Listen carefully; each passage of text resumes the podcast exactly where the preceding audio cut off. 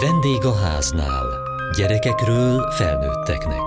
A Kossuth Rádió családi magazinja.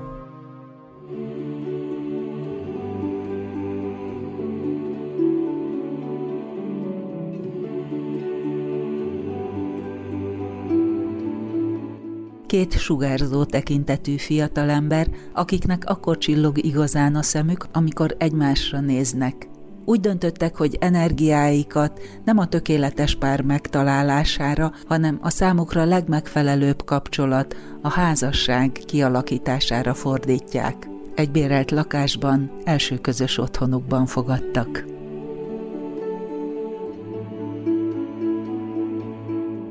Én 21 éves vagyok, Iris 19 éves, és én 20 éves voltam, amikor összeházasodtunk, Iris 18. A legelső alkalom, amikor beszélgettünk, az egy szilveszteren volt, ahol egy nagy baráti társaságot ketté osztottunk, hogy lehessünk egy-egy térségben, és Ákossal egy helyre lettünk osztva. Ez körülbelül az eljegyzés előtt egy évvel volt, úgyhogy nem sok idő leforgása alatt történt meg az eljegyzés igazából. És ez egy meghatározó esemény volt ez a szilveszteri parti? Igazából annyira nem. Mármint, hogy ott beszélgettünk először mélyebben, de utána, mivel tartott a Covid, több hónapig nem is találkoztunk májusban vagy júniusban találkoztunk, ahogy is feloldozták a lezárásokat, és úgy kezdtünk el még többet beszélgetni, ismerkedni, és uh, később egy uh, nyári keresztény táborban ott álltunk így egymás mellé, és uh, muszáj megemlítenünk mind a kettőnknek így a hozzáállását ehhez a témához, mert mind a kettőnknek voltak korábbi párkapcsolatai, viszont mind a ketten ezekben akár csalódtunk, vagy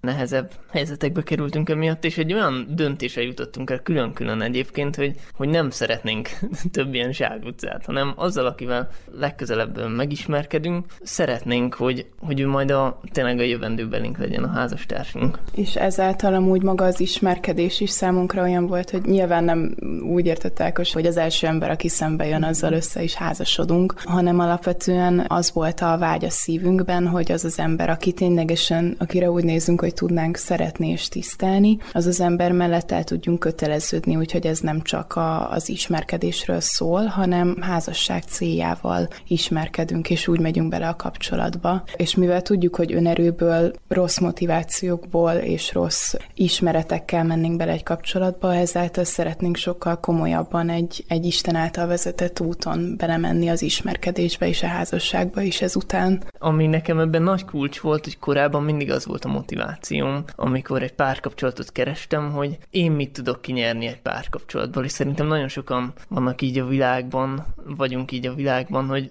hogy mindannyian keressük egyébként az örömet, a békességet, a szeretetet, és különböző dolgokba megyünk azért, hogy ezt megtaláljuk. És a párkapcsolat kimondottan egy ilyen dolog. Viszont nagyon sokan csalódunk ebben, mert véglegesen nem tud ez sem egy olyan szeretetet adni, ami, amit keresünk, és én a személyes életemben oda jutottam el, hogy ezt a szeretet forrást én, én Istenben találtam meg. És ami nekem ebben egy váltás hozott, hogy Úgyhogy már meglett ez a forrásom, meglett az, hogy én önmagamban is szeretett és elfogadott vagyok. Így egy párkapcsolatban többé nem azt keresem, hogy az mit tud nekem adni, és abból én mit tudok kinyerni, és abból tudom kinyerni a szeretetet, az elfogadást, hanem pont arról szólt, hogy én szeretném ezt továbbadni, ugye, hogy én is kaptam, szeretném ezt továbbadni, a jövendőben felé, és ez a motiváció teljesen átformálta így a, a gondolkozásmódomat erről. És hogyha mindkettőnk oldaláról ez így működik, hogy mindketten adni szeretnénk, akkor valójában mindkettő fél kap is abban a kapcsolatban. Az biztos volt bennünk, hogy szeretnénk elkötelezett lenni a másik mellett, és hogyha úgy voltunk vele, hogyha úgy döntünk, hogy ezzel az emberrel mi szeretnénk elkezdeni ismerkedni, és komolyabbra fordul a kapcsolat, akkor az a részünkről az nem egy olyan nézettel lesz, hogy most ez vagy sikerül, vagy nem, és majd kitaláljuk, hogy tetszik-e, és hogyha jön egy nehézség, akkor elmegyek belőle, hanem akkor tényleg azzal a kitartással és elköteleződéssel, hogy, hogy akkor én ez az ember mellett ott maradok, akkor is, hogyha nehéz.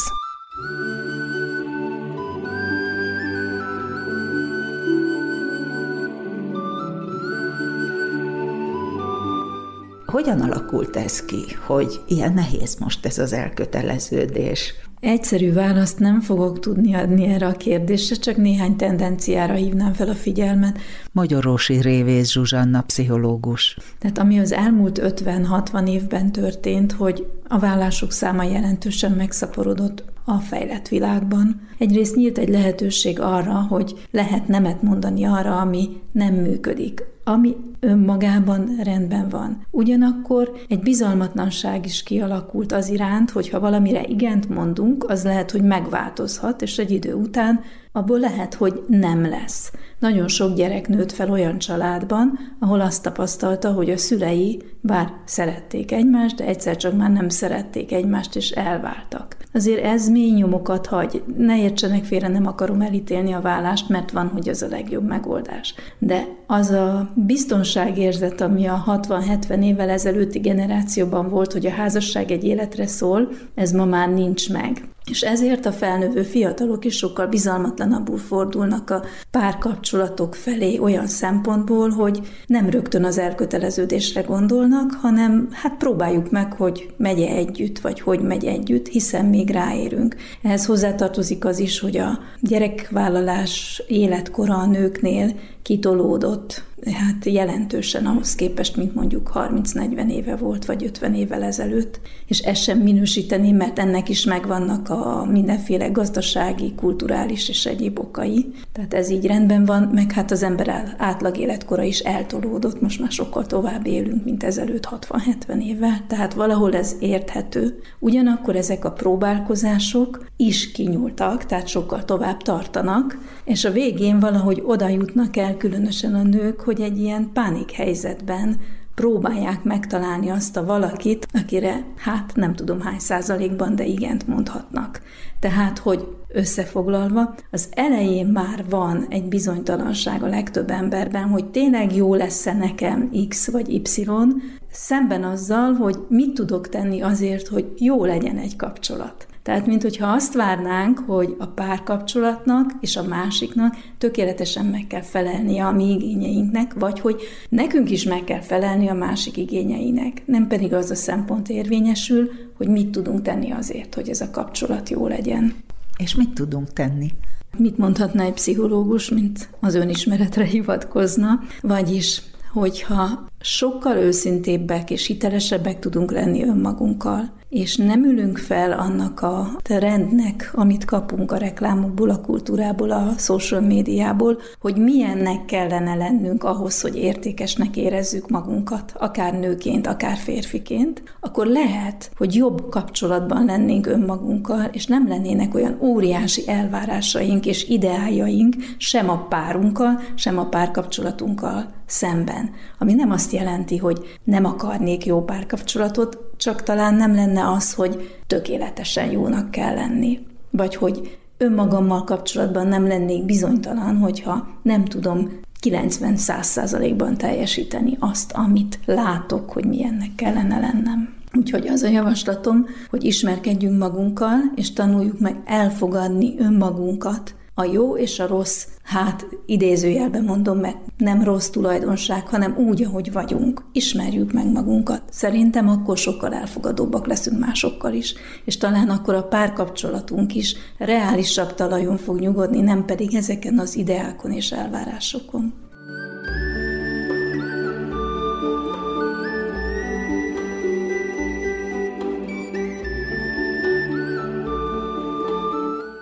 Hogy jutottatok el odáig, hogy ő lesz az? Nekem amúgy az elsődleges dolog, ami feltűnt Ákosban, az az volt, hogy a Bibliában van egy ilyen igevers, hogy a, a feleség tisztelje a férjét, és én nagyon sokat gondolkoztam ezen, hogy vajon én hogy tudom majd igazán tisztelni a férjemet. Én nagyon sokáig én nagyon makacs, és egy olyan ember voltam, aki szeretett így a saját gondolatai után menni, a saját útját járni úgy, ahogy az neki tetszik, és tudtam tudtam, hogy, hogy ha viszont nagyon nagy mértékben tisztelnem kell a férjemet, akkor ez sokszor nem fog tudni megvalósulni. És egyszerűen, amikor Ákost elkezdtem közelebbről megismerni, nekem az első dolog, ami úgy igazán feltűnt benne, az az volt, hogy én valahogy őt olyan módon tudom tisztelni, és csak így engedni, vagy tudnám neki engedni a vezetését a házasságnak, ahogy ezt még más milyen korombeli fiúval nem tapasztaltam. Ugyanebben az igeversben azt mondja a Biblia, hogy, hogy a férj meg úgy szeresse a feleségét, ahogy Krisztus szerette az egyházat, azaz önmagát adta érte is. És nekem is ez volt egy ilyen döntő pont, hogy, hogy Iris egy olyan, olyan lány, egy olyan nő, akiért tudom, hogy önmagamat tudnám adni, fel tudnám áldozni magamat, és tiszta szívemből szeretni. És mi erről úgy gondolkozunk, hogy egy jó házasság az sokkal inkább munka, erő és kitartás kérdése, mint úgymond jó találás kérdése. Sőt, mi pont azt tapasztaljuk, egyébként nagyon sok különbözőségünk van Irisszel, és egy ilyen klasszikus gondolkozásban nem biztos, hogy ez lenne a legjobb felállás, de mégis ezt látjuk, hogy pont ezt tesz talán jobbá, hogy így egymást formáljuk. Így a vassal formálják a vasat, így formálja az egyik ember a másikat. Ami nekünk egymásban nagyon megtetszett, az tényleg az volt, ahogy Istenre nézünk. És nyilván emellett még nyilván ott vannak ezek az emberi dolgok, hogy tetszett egymásnak a kinézete, és ez is nagyon fontos, meg vonzottunk egymáshoz, és ezen kívül például ott van a zene, vagy más dolgok, amikben hasonlóak az ismerettségeink, és, és ez tök jó, de alapvetően ez volt az a dolog szerintem, ami így nagyon közel hozott minket egymáshoz, és úgy kitüntetett minket a másik szemében a, a többiek közül. Engem például nagyon megfogott Irisben az, hogy hogy láttam azt, hogy ő nem csak kívülről egy nagyon vonzó nő, hanem amikor megláttam valójában a szívét, hogy milyen szívvel van, elesettek felé. Mi Irisszel sokat szolgáltunk így hajléktalanok felé, hajléktalan misszióban, és, és amikor láttam azt, hogy ő hogyan tud másokat szeretni, egyszerűen megláttam, hogy hogy is mondjam, hogy a tűt a szénak az alban, és egy olyan tisztaságot láttam, amit, amit hiba lett volna nem, nem elvenni. De így láttuk azt is, hogy mennyire egyfelé megy az utunk, Mind a ketten egyébként keresztény misszionáriusként dolgozunk. Én levelező szakon tanulok a Pünkösdi Teológiai Főiskolán, lelkészi szakirányon. Én pedig szociális munkás szakon vagyok az eltén, most vagyok másodéves. És ez is nagyon fontos volt nekünk, hogy egy céllal megyünk, és így ebben láttuk azt, hogy mind a kettőnkben megvannak azok a dolgok, amikben ezzel tudjuk segíteni egymást.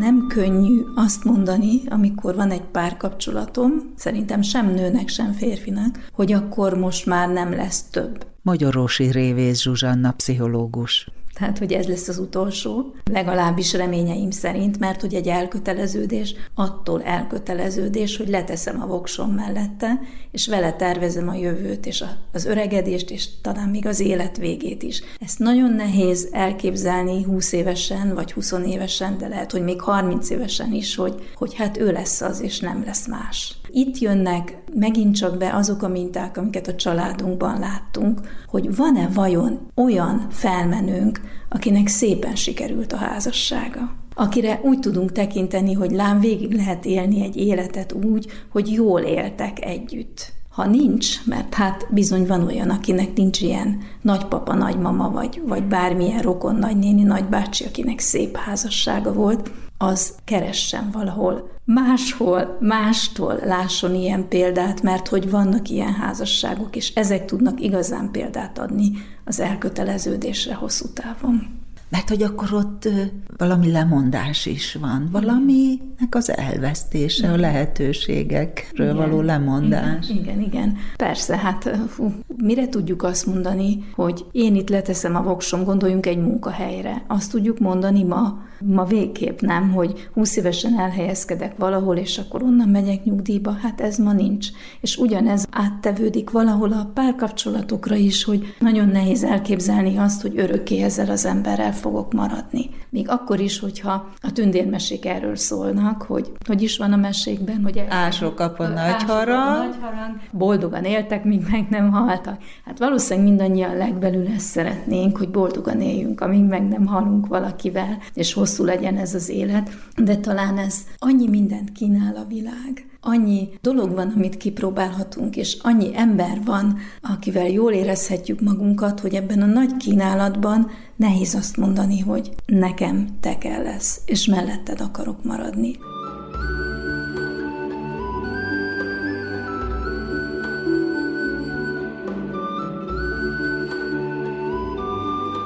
Mindketten éreztétek, hogy következik az a pont, hogy lánykérés következik, ez egy érdekes kérdés, mert mi három hónap járás után jegyeztük el egymást, és itt szeretném leszögezni, hogy mi most nem egy sémát, vagy egy tökéletes receptet akarunk átadni, mert, mert hiszük, hogy minden helyzet különböző, de nekünk ez volt a, az életutunk, és bennem, ami a szívemben volt, hogy ki akarom fejezni Iris felé azt az elköteleződést, ami bennem volt. Tettekben is megnyilvánuljon az, hogy én komolyan gondolom, és hogy, hogy az, hogyha én azt mondtam Irisnek, mint amikor egyébként először szerelmet vallottam neki egy Iris, én szerelmes vagyok beléd, és, és szeretném, hogy ez a párkapcsolat, ez a házasság felé menjen. Szerettem volna ezt tettekben is megmutatni, és elkezdtem gondolkozni azon, hogy ez, ez hogyan legyen, mikor legyen, és kikértem barátaim tanácsát, vezetőim tanácsát, szüleim tanácsát, és végezetül Irisnek az édesapjától elkértem Iriszt, mert leültem vele egy, egy olasz étterembe, és elmondtam neki, hogy én komolyan gondolom a, a lányával, és, és szeretném őt egy nap az oltár elé vinni, és szeretném ezt kifejezni azzal, hogy én eljegyzem őt. És ez így is történt, és uh,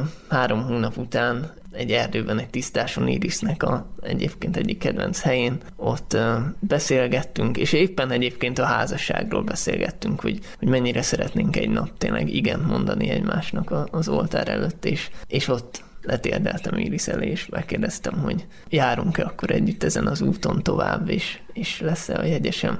És igen, mondott. Nyilván igent mondtam. De amúgy az első kérdés, amit feltettem Ákosnak, az az volt, hogy és amúgy apukámtól megkérdezted, és nekem ez egy akkora öröm volt, hogy tényleg ennyire tisztelettel kezel nem csak engem, hanem a családomat is, hogy leül és, és elkér apukámtól, hogy nagyon-nagyon nagy öröm volt ez, amikor megkérte a kezem, és amúgy nem ért meglepetésként, mert tudtuk, hogy erre készülünk, de mégis akkora beteljesedésének éreztük így a, a szerelmünknek és az elkötelezésünknek fejlődésünknek. És milyen a házas élet? Másfél éve tart. Megváltozott-e? Rengeteg új öröm, rengeteg új kihívás emellett. Mi alapvetően nem éltünk együtt addig, ameddig meg nem házasodtunk, és amikor megházasodtunk, akkor nyilván bejött egy csomó új dolog, hogy összeköltöztünk, hogy onnantól kezdve már közösen, a legkisebb dolgoktól kezdve, hogy két emberre vásárolunk be, és úgy tervezünk programokat a nagyobb dolgokig is, az, hogy egységet és közösséget vállalunk egymással, ezek így mind felbojdultak az életünkben, és nekünk is volt egy csomó minden, amiről így teljesen másképp gondolkoztunk, voltunk, mert más háttérből érkeztünk. Nekünk így a tisztaságról való képünk az teljesen más volt. Tehát nekem inkább a rend az, ami fontos, hogy minden szépen helyen legyen, és azon a helyen legyen. Ákosnak pedig inkább a tisztaság, hogy semmi se legyen poros, hogy tiszta legyen minden. És teljesen más képünk volt arról, hogy egy rendes ház hogy néz ki. És ebből nagyon nagy félreértések voltak eleinte, amikor így, így néztünk, hogy Ákos, te ezt miért nem hajtottad már megint össze, de hát nem látod, hogy porszívóztam, és nekem ez a fontos. Szóval így, így szerintem ezekben is egy ilyen középutat kellett találnunk. Én világéletemben Pesten éltem, panelba születtem. Iris viszont Kiskunhalasról származik, Alföldről is, és nagyon vicces ilyen különbözőségeink voltak akár étkezésben, akár szóhasználatban, tehát konkrétan egyeztetnünk kellett a szótárainkat. Iris sokáig kérte tőlem, hogy vigyen már ki a csetrest a, a konyhába, és én mindig néztem, hogy miről beszél. És aztán kellett egy pár hét, mire rájöttem, hogy a csetres az a mosatlan tányérver, és soha életemben nem használtam ezt a szót korábban. És sok ilyen vicces történetünk van.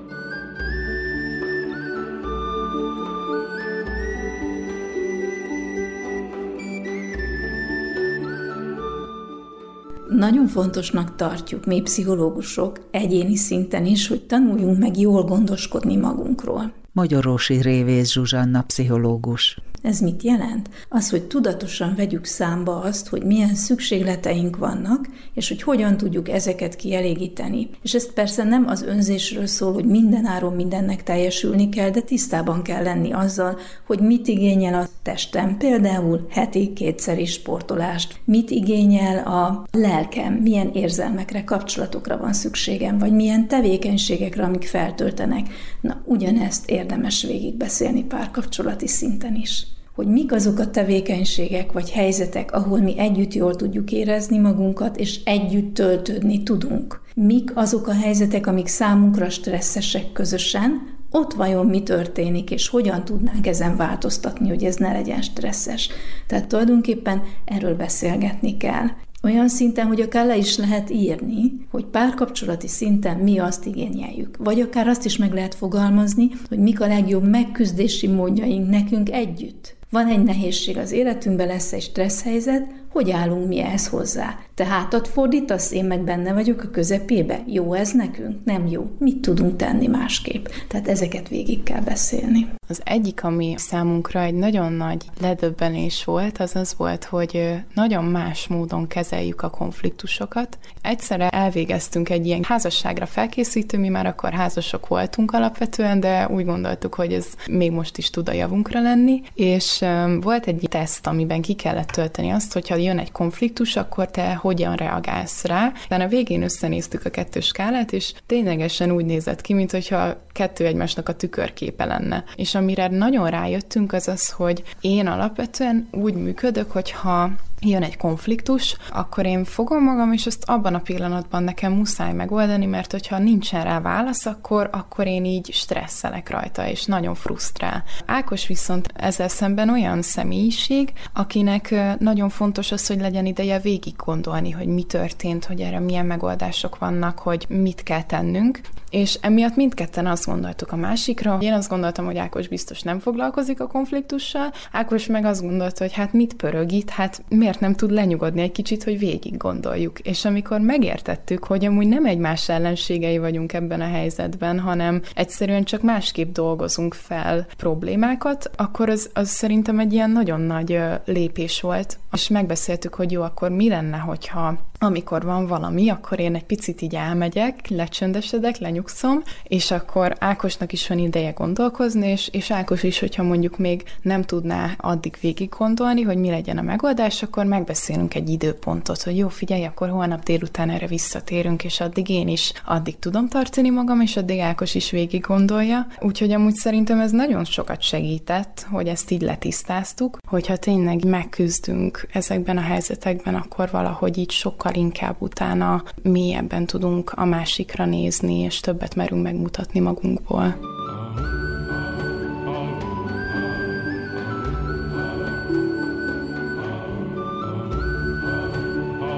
Elköteleződés, eljegyzés, házasság, egy fiatal pár és egy szakember szemszögéből. Kövessék műsorunkat podcaston, vagy keressék adásainkat a mediaclick.hu internetes oldalon. Várjuk leveleiket a vendégháznál kukac mtva.hu e-mail címen. Műsorunk témáiról a Kossuth Rádió Facebook oldalán is olvashatnak. Elhangzott a vendégháznál. A szerkesztő riporter Szendrei Edit, a gyártásvezető Mali Andrea, a felelős szerkesztő Hegyesi Gabriella.